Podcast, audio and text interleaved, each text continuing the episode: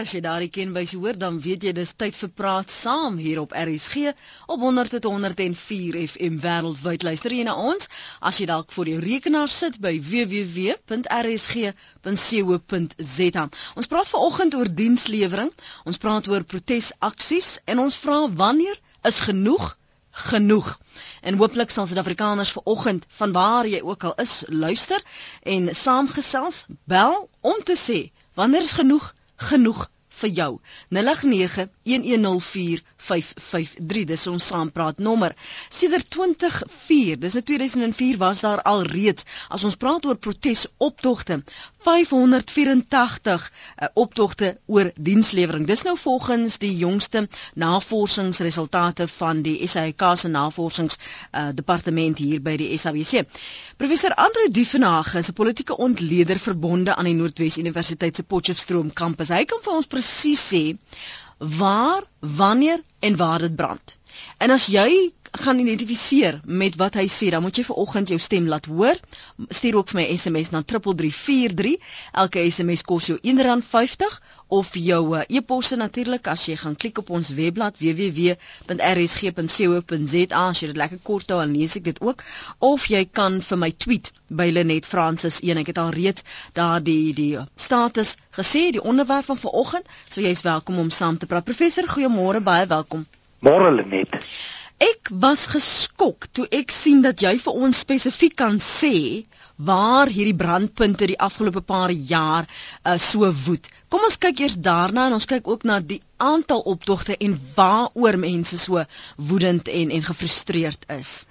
Lenet, ja, kyk as ons kyk na die brandpunte van hierdie konflikte, dan moet ons sê dit kom redelik wyd voor in die land, maar dit is meer gefokus in jou stedelike omgewings. Jy gaan dit baie sterk aantref in byvoorbeeld Gauteng, in die Nelson Mandela omgewing en in van jou groter stedelike sentra oor die land. Wat ook baie interessant is, is dat dit ten nouste samehang met politieke onstabiliteite veral binne die regerende party. Maar as ons vinnig so 'n paar syfers kan noem en jy het ook van die syfers aangedui, van die eerste groot optogte wat die media gevang het, was in Diepkloof in Johannesburg 2001. En toe tussen 2004 en 2007 was daar in die orde van 47 groot gewelddadige proteste. Dan het dit in 2009 uitgebrei na meer as 100 per jaar. In 2009 het ons 105 gehad, 2010 111 en tot en met November 2011 het ons 'n verdere 81 groot proteste gesien. En in 2012 sien ons alweer dat die momentum amper sterker is, dat hy ook op ander punte in die land begin uitbreek. Wat ek dink ons ook hier moet noem is as jy kyk na kleiner byeenkomste, nie noodwendig groot gewelddadige proteste nie, die Engelse term is gathering acts, mm, dan mm, sedert 2005 word daar 'n gemiddeld van 8000 per jaar geregistreer. So ons praat van 'n geweldige oorverhitte omgewing, 'n omgewing wat gekonfronteer word deur geweldige uitdagings en maniere om deel te neem en jou ontevredenheid uit te spreek, vind dikwels beslag in terme van gewelddadige proteste. En ek dink dit is 'n ongelukkige toedrag van sake wat in landsbelang omgedraai behoort te word. Ek skep juis vanoggend hierdie geleentheid sodat ons kan hoor wat sê die luisteraars. Wat sê die Afrikaners sê wanneer is genoeg vir hulle genoeg? Want as jy nou soos jy nou uiteengesit het, sedert 2001 kyk en jy sê meer as 100 per jaar, dan sien jy dat daar 'n groeiende frustrasie is. En as daar net nie daaraan geraak word of dit aangespreek word nie, dan waar laat dit burgers? Ons het ver oggend ook in monitor uh, is daar 'n verwys na burgerskap in of 'n aktiewe burgery. In hoeverre is dit aktiewe burgery as mense hierdie protesoptogte bywoon, professor? Kyk, dit hang natuurlik af van wat is presies jou definisie van aktiewe deelname mm. en die basis waarop daardie deelname plaasvind. Ek sou daarom sê binne 'n land met 'n demokratiese grondwet behoort jy jou nie te wend tot forme van gewelddadige protes nie. Jy kan deelneem aan die politiek op talle maniere. Jy kan in die media skryf. Jy kan jou sake deur die institusionele kanale neem. Daar's baie maniere om deel te neem in verkiesings en so meer, maar die moment as jy van geweld begin gebruik maak, dan is dit eintlik 'n vorm van anti-stelsel optrede. Jy begin te veg teen die stelsel wat eintlik in jou belang moet optree. En dan kry jy hierdie ding wat ons noem 'n kultuur van geweld waar geweld gesien word as die enigste taal wat die owerhede verstaan. In ander woorde, as jy jou klagtes en jou probleme by die owerhede wil tuisbring, dan help dit nie om te praat nie, dan moet jy oorgaan tot geweld. Dan moet jy skole afbrand, dan moet jy munisipale kantore afbrand, dan moet jy bomme gooi op jou raadslede se huise en so meer.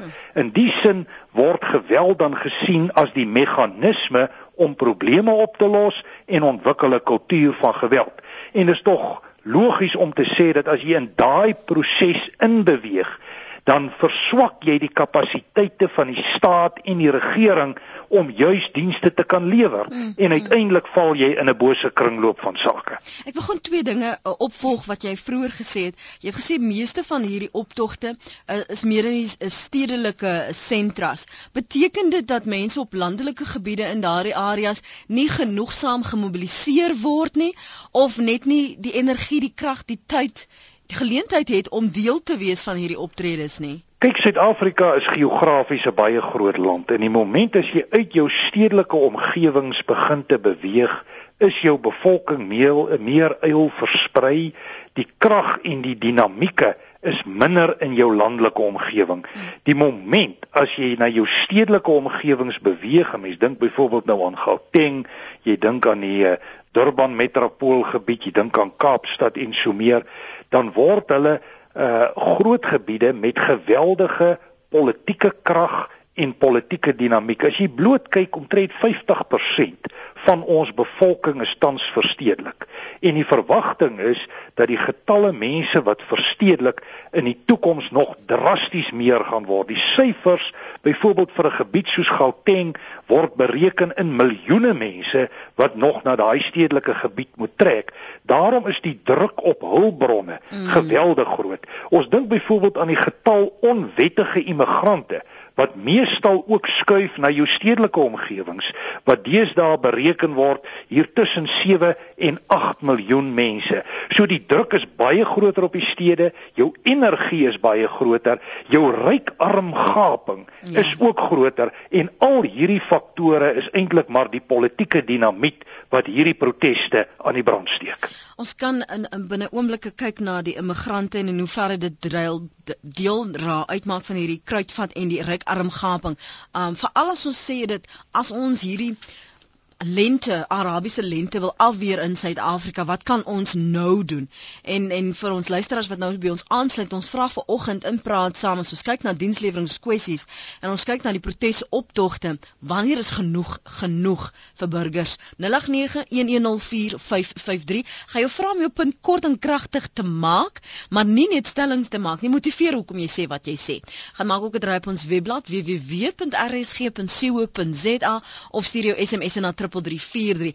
Elke SMS kos jou R1.50. Louis, ek wil nou juis uh, op die punt wat jy hier aanraak, gaan ek nou-nou verder met jou gesels. Johan in Belfast is op die lyn. Môre Johan.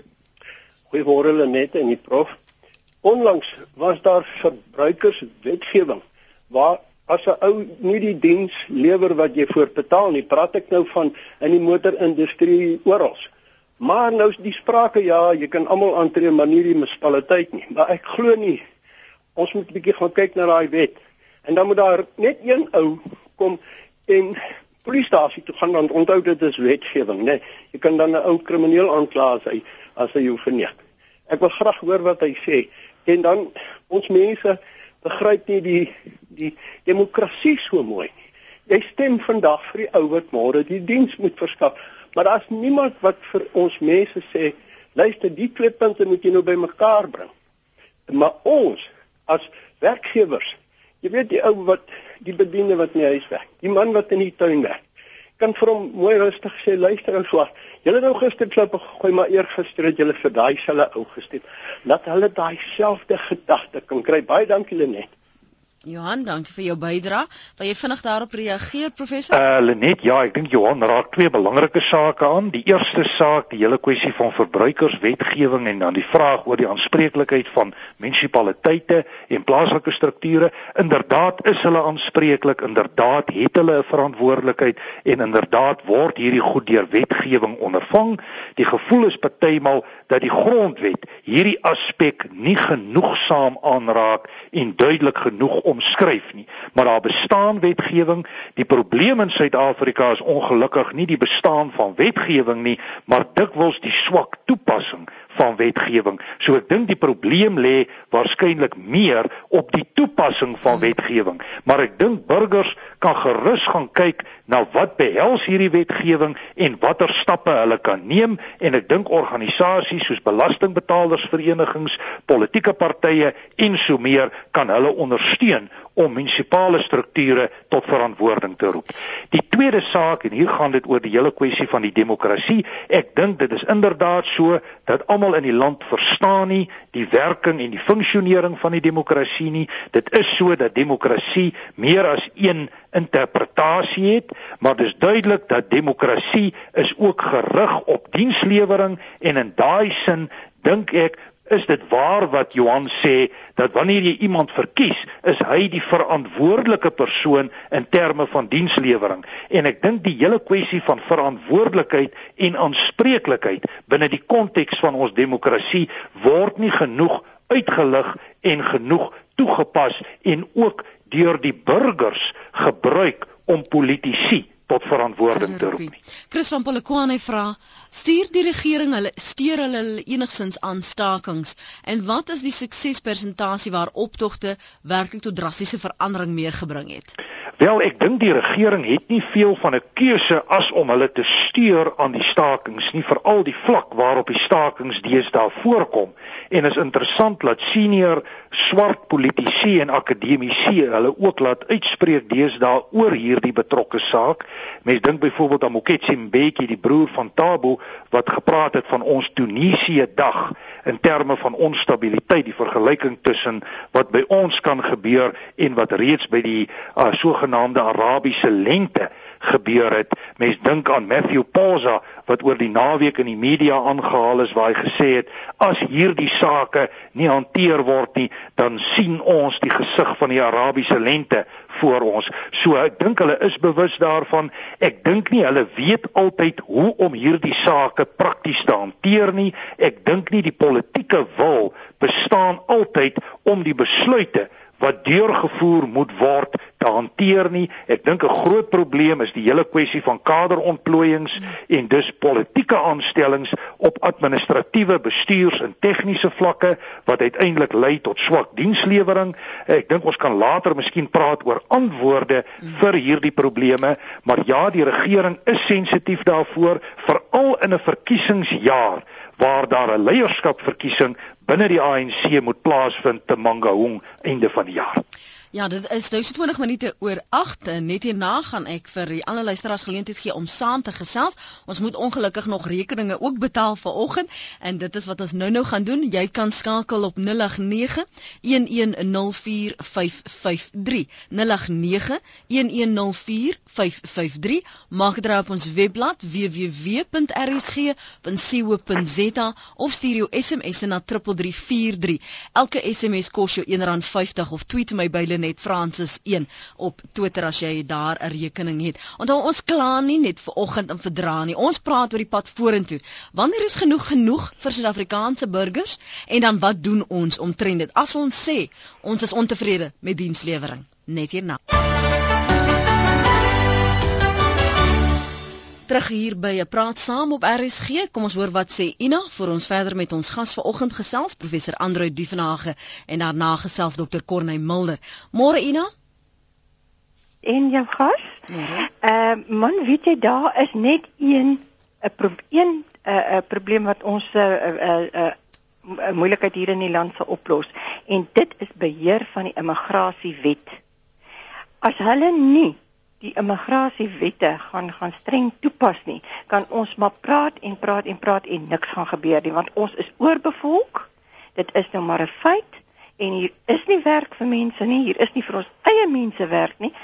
Kyk as mense inkom en hulle kan nog iets vir die land bied, maar hier is te veel onwettige immigrante wat niks doen nie wat lê in bedel en en en losloop en en nie plek het om te bly nie, nie kos het om te eet nie Goed. en daar kom al hierdie uh Oh, uh, jy weet al hierdie ja. uh, Ina, ek gaan vir professor vra om 'n bietjie uh, verder te gesels uh, oor immigrante en dan ook die beklei oor hulpbronne in die toekoms.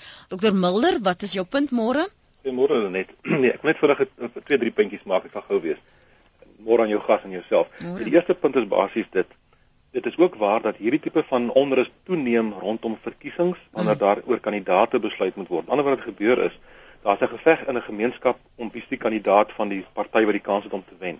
En dan daardie persoon gebruik dan hierdie ongelukkighede om die gemeenskap op te sweep teen sy opponent om die kandidaat te word. Dis een deel van die werklikheid. Maar 'n ander werklikheid wat ek dink baie belangriker is, is die volgende. As jy gaan kyk na die syfers wat die tesourier vir ons gegee het nou onlangs die datum September 2011 dan gee dit vir ons 'n aanduiding van die kapitaalbegrotings regdeur Suid-Afrika by ieder en elke stadsraad.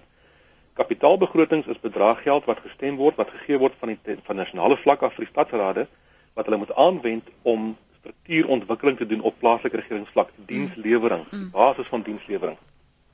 En dan as die syfers skrikwekkend as jy gaan kyk watter persentasies regdeur die land feitelik die stadsrade nie gebruik is in hulle kapitaalbestedings nie en die effek daarvan is dit moet dan teruggegee word aan die nasionale vlak. Kom ek gee vir jou twee drie vinnige syfers. Byvoorbeeld 'n plek soos Sandstron in die Vrystaat. 51,5% van sy kapitaalbegroting onbestee is teruggevat. Mangaung Bloemfontein 43,3% is onbestee is teruggevat. Ons praat van 'n bedrag van 341 miljoen rand. 'n Plek soos Ekurhuleni Metro in Gauteng, dit is die ou rondom uh, Germiston en daai hele gebied. 32% onbestee. Dit is 728 miljoen rand. Nou vra ek jou, hoeveel dienslewering kon gedoen gewees het met hierdie tipe van bedrag geld? Van die begrotings word elke jaar verklein ook dan as jy net nie bestee nie. Absoluut, dit word verklein en die rede hoekom kan hierdie gelde nie bestee word nie? Omdat die ANC doeteenvoudig met kaderontplooiing stadsraad amptenary krippel getransformeer het. Die stadsraad het nie meer die vermoë om hierdie werk uitgevoer te kry op grondvlak nie. Hulle is totaal disfunksioneel en dit maak dat die publiek in opstand kom. Dit is nie omdat daar nie geld is nie, Die stadsraad kan dit eenvoudig nie doen nie. Laaste punt, jy vra my wat moet gedoen word? Baie eenvoudig, raak ontslaa van die ANC. Dankie. Dr. Corne Mulder, wat natuurlik deel van die oppositie is, wat sê raak ontslaaf van die ANC. Dit is te verwagte. Kom ek uh, gaan terug na wat hy praat oor verkiesings. Ons praat oor besteding want soos hy tereg uitwys, as die begroting al hoe kleiner raak of jy bestee dit nie voldoende nie, dan raak dit kleiner, dan kan jy glad nie aan hierdie behoeftes voldoen nie en die onvermoë om geld te bestuur. Ons weet baie van die munisipaliteite was onder provinsiale administrasie geplaas. In hoeverre het daar nog regtig 'n omswaai gekom professor? Uh net as ek vinnig net kan reageer op al die goed. Ek dink wat Ina sê is baie waar. Ons pas nie immigrasiewette behoorlik toe nie, maar ons sit in die raamwerk van 'n verswakkende staat. Ons kan nie ons grense behoorlik bewaak nie en ons sit daar met 'n probleem weer in terme van toepassing. Om uit te kom by Dr Mulder se standpunte, inderdaad so tydens verkiesings tel die onstabiliteite op. Maar die tweede punt en dis die groot saak wat jy op fokus is die hele kwessie van uh kapitaalbegrotings en die hele kwessie van finansiële bestuur aan munisipaliteite. En is interessant dat die ouditeur-generaal se verslag vir 2019 wys daarop dat van die 237 munisipaliteite van wie ons verslae ontvang is, hulle geen opinie konform oor 60 nie. 50 was sterk gekwalifiseerde verslae, 120 het aanbevelings gehad en 7 het uh, slegs 7 het skoon verslae ontvang. In die Gauteng omgewing praat ons van in die jaar 2028-9 was hulle oor uh, oortrokke rekening 522 miljoen en dit het in 2019 na 1,7 biljoen gestyg waarvan Tshwane alleen in die orde van 1,5 biljoen was. So ons sit hier met werklike ernstige finansiële bestuursprobleme en 'n kenmerk van 'n disfunksionele staat en regering is ook sy onvermoë om geld doelmatig te bestuur en dit is presies wat hier aan die gang is. Dit hou verband met 'n aantal redes waaronder uh nie kundige mense in posisies. Dit hou verband met korrupsie, nepotisme. Daar's 'n klomp redes wat hier in die spel kom, mm. maar uh, Dr Mulder se argument is basies korrek dat ons hier met ernstige probleme sit. As ons kom ons veronderstel en, en dit is 'n verskriklike scenario om self te veronderstel. Maar sê nou niks kom reg nie en dis nou 10 jaar later. Voorsien jy dit al hoe meer burgers hulle eie eintlik maar hulle eie diensleweringkwessies gaan aanspreek en dit self maar die strate gaan skoonmaak en en hulle gelde gaan weerhou want as hoekom moet ek my geld aan jou toevertrou as jy nie my geld in my diens vir my lewer nie? Hulle net ek dink dit is nie net 'n scenario nie ek dink tot 'n sekere mate is dit reeds 'n werklikheid in die huidige Suid-Afrika. Nou daar's twee maniere hoe ons bevolking reageer op hierdie swak dienslewering en verbandhoudende probleme. Die een manier is die protesopstande waarna ons reeds verwys het. Die tweede lyn is die ding wat ek noem DIY politics, do it yourself politics. Ons stig ons eie strukture, ons befonds onsself en ons doen ons eie ding. En is interessant dat op hierdie oomblik of dit was ten minste 'n syfer van 'n jaar of wat gelede, is hier so wat 335 belastingbetalersverenigings reeds in Suid-Afrika wat op eie maniere kyk hoe hulle dienste kan lewer, hoe hulle potholes kan toemaak, hoe hulle water en elektrisiteit kan voorsien, hoe hulle kan insette lewer op suiweringsvlakke en so meer. So ek moet sê ons sit reeds met geweldige patrone van stelseluitwyking waar die stelsel inherënt self so swak geword het dat hy homself begin herskep aan die buitekant. En hierdie patroon kom nie net voor in terme van dienslewering nie. Ons sien dit ook by patrone van vigilantisme waar ons nie orde en stabiliteit het nie. Dit wil sê groot hoë vlakke van kriminaliteit waar mense die reg in eie hande neem en iemand wat vir 'n tweede of 'n derde keer ingebreek het by 'n plek of iemand doodgemaak het, word dan self tereggestel. So ons sien die stelsel werk nie en mense begin om hulle eie strukture, hulle eie stelsels te skep parallel langs bestaande strukture. Hier is 'n paar SMS'e wat ek vinnig in 'n e-posse wil na verwys. Richard sê ongelukkig is die tipe gewelddadige protes op optogte die enigste taal wat die regerende party laat regop sit. Amptenare doen glad nie hulle werk nie, maar kry nog steeds groot salarisse terwyl die werkloosheid en armoede styg. Pieter van Douglas, die probleem by munisipaliteite met ander woorde grondvlak regering is politieke aanstellings wat nie gefokus is op dienslewering nie, korrupte werkers, buitensporige salarisse, aan onaantastbaar. Hulle gee nooit verslag aan die kiesers van toestande en wat hulle doen in munisipaliteite nie. Die meeste van hulle as wat die meeste van hulle as slegte werkers. Um, dit is nog tot haar uh, verskillende redes. Kon nie sê die uh, land waar swak 'n land waar swak of gebrekkige infrastruktuur voorkom is 'n teelaarde vir armoede. Infrastruktuur soos vervoer, elektrisiteit, water, sanitasie, behuising as ook sosiale infrastrukture wat hiermee verbind word, het 'n groot invloed op werksmoontlikhede en het 'n impak op iemand se lewensstandaard. As die regering op die vlak faal, moet die burgery die regering tot orde roep. Maak seker dat jou stem tot demokrasie lei. Uh Andre, die mense kry die regering wat hulle voldoen. Ek is skeelvol vir Suid-Afrika. Ek wil my besigheid na 'n ander land toe neem. Verlede jaar stakings, Maandag kon ons nie dringende werk gedoen kry in Kaya Sands nie. Kobus in Kalifornië sê Kalifornië is die in die FSA het 100 jaar gelede gesê dat genoeg genoeg is en met 'n direkte demokrasie demokrasie korrupsie het hul stelsel gehaal. Kan 'n direkte demokrasie ook die oplossing vir ons wees? Wat bedoel jy met 'n direkte demokrasie? Kobus, ek ek wil net graag 'n bietjie beter verstaan. En dan sê uh Pieter, kan ons nie asseblief die munisipaliteite deur wetgewing verplig om 6 maandelikse verslae te doen aan die publiek van wat hulle doen en wat hulle take is nie. En hoe ver, hoe kan ons hulle verplig om verantwoordbaar te wees, professor? Want hier's 'n ander luisteraar wat vra oor hofsaake.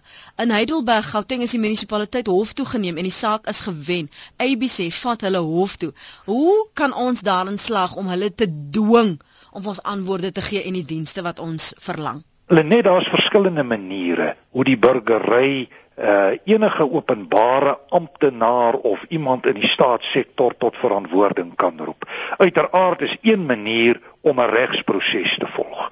'n Ander manier sou gewoon wees om jou stem te laat geld by die stembus en te stem vir 'n oppositieparty. Ander maniere sou wees om jou te wend tot die media. So daar is verskillende maniere om mense tot verantwoording te roep.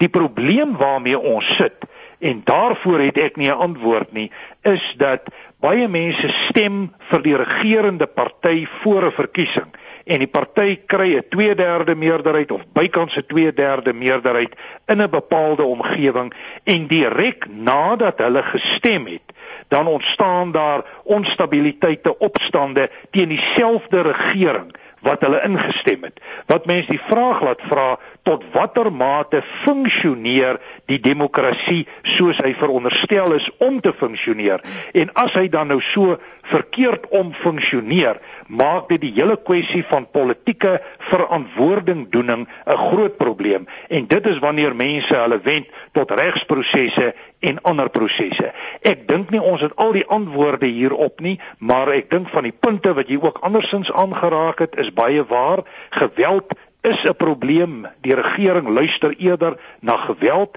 Die salariskwessie van amptenare is 'n geweldige probleem. As ek net een syfer kan noem, op sy uitvoerende bestuurskorps eh, betaal 'n klein 'n uh, eh, kleiner ragge uh, staatssektor soos Mafeking 27 miljoen rand. Daar's 'n adviseur in die ou Artambo distriksmunisipaliteit in Transkei. Dis nou net die politieke adviseur wat omtrent 'n miljoen rand verdien. So die salarisse is totaal buitensporig. Ek dink alles hang saam met swak finansiële bestuur en kapasiteite. Wat het president Zuma het verlede jaar dink ek nog in sy staatsrede daarna verwys oor hierdie uh, performance agreements dat jy moet verslag doen. Jy moet jy word gemeet aan dit wat jy reg kry. Jou salaris, jou posisie. Waarom is dit nog nie aangewend nie? Omdat kyk dit word dit word waarskynlik voltooi op sekere vlakke, maar hy word baie baie swak toegepas. Die moeilikheid waarmee iemand soos eh, president Zuma sit, is dat die meeste van die mense wat ontplooi is in daardie poste, is ook sy eie politieke loyaliste en hy het hulle weer nodig om vir hom te stem en te ondersteun veral as hy 'n tweede termyn wil kry by Mangaung. So eintlik moet jy dan politieke kompromieë sluit en kan jy nie te direk en te hard teen mense optree wat later vir jou moet stem nie. Sou jy dit wel doen, dan wyk hulle gewoon uit en hulle volg 'n Malema lyn of iets in die in 'n diervoege. Dit is die dilemma waarmee die president sit. En dit maak dat jy eintlik funksionele bestuur nie behoorlik kan toepas in so 'n omgewing waar alles verpolitiseer is nie. En dit bring ons terug by die basiese probleem dat daar behoort 'n kliniese onderskeid te wees tussen politieke aanstellings, dit wil sê mense wat verkies word deur politieke prosesse aan die een kant en jou bestuur en administrasie aan die ander kant. Die moment as hierdie twee goed begin om vermeng te raak, dan sit jy met 'n situasie wat jy nie behoorlik kan bestuur nie. Hmm. Nik in die Wesrand, môre? Goeiemôre Helenet. Nee, wat ons met hierdie probleem baie meer simplisties benader. Dit is oorgenoeg gepraat in die afgelope 10 jaar oor dienslewering wat swak is. Die professor beamoen en hy gee oplossings van verkiesings en en by die stembus moet ons hulle ont mens of hulle ontneem van hulle regte en nuwe politici aanstel. Die dame mevrou Visser in die Wes-Transvaal het met groot bravade uh, aksies geloods en daar is belastingweerhou in daai aksies. Maar daar het nog niks weer van gekom nie. Die Wes-Transvaalse paai is nog net so swak. My antwoord vir jou vraag, wat moet ons doen? Wanneer is genoeg genoeg? Ek sê net eenvoudig, genoeg is genoeg wanneer jou vullis nie weekliks verwyder word nie. Wanneer die riool in die strate loop soos in die townships die geval is. Maar wat moet ons doen? Ons moet daardie riool, daardie nag kar emmers, daardie karretjies in die burgersentrums gaan omkeer. Waar hierdie lords sit met groot chequeboeke dat hulle self hulle eie lesenaar, hulle eie kantore en dit help nie om te diskrimineer teen die arme as man of die werker hier op die straat nie. Hy voer maar net die pligte uit wat van bo af uit die burgersentrum gekanaliseer word na hom toe. As daar 'n uh, wanbestuur is in die burgersentrum, noodwendig gaan jy die wanbestuur op straat kry van werkers. So dienslewering moet van bo af en die sogenaamde Zuma lyn is oorval met probleme. Daar word niks aan gedoen nie. Ons laat ons is gemesmeriseer, die hele land. Hoekom stem die township weer ANC? Omdat hy gemesmeriseer is. Maar hoe ons kan met protes en uh, dis nie gewelddadige protes nie.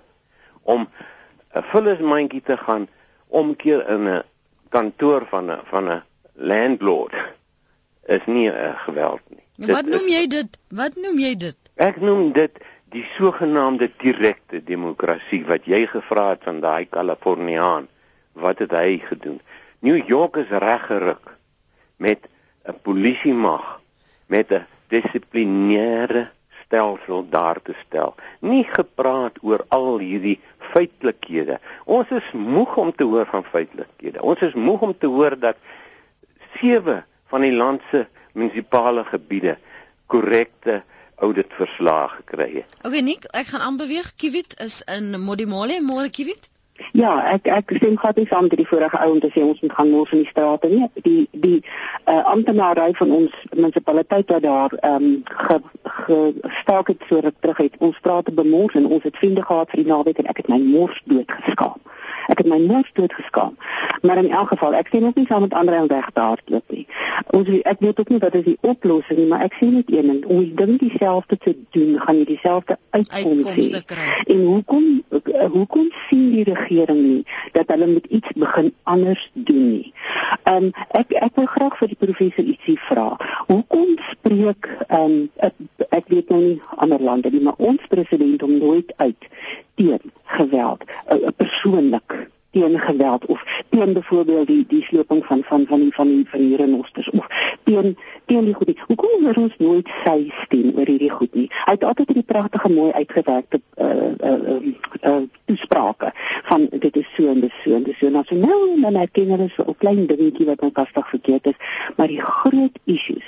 My uh huishulp wat nog in dieselfde omstandighede woon as wat hy gewoon het 20 jaar terug behalwe vir dit wat ek al mee help of wat ander mense help, maar hulle kry nog net so swaar, niks het verander nie.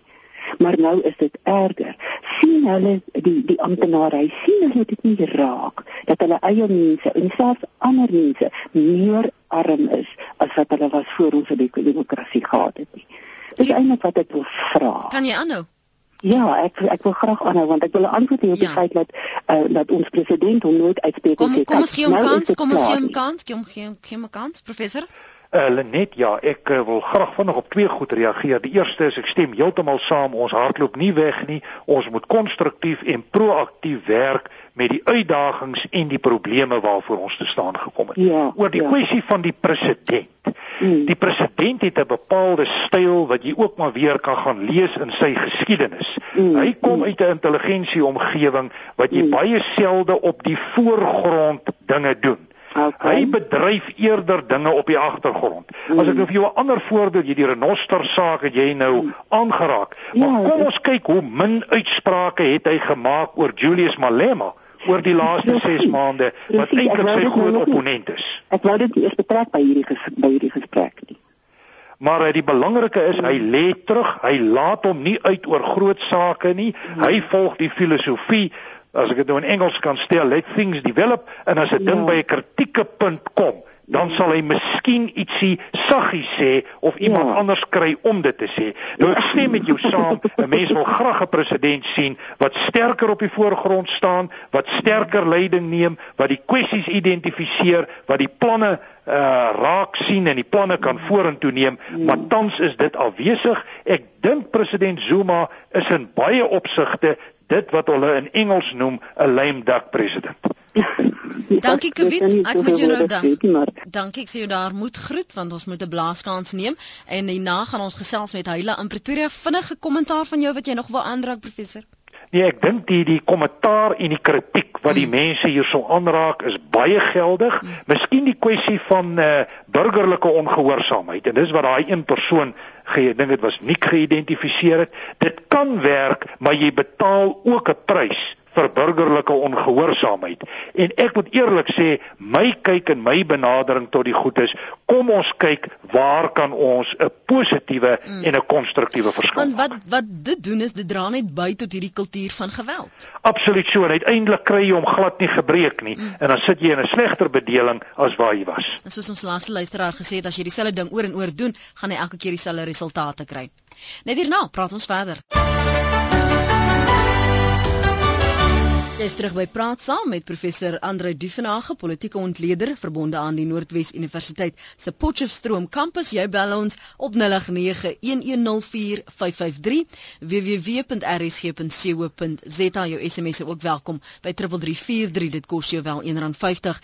Anoniem skryf ons is konsultante in die privaat sektor.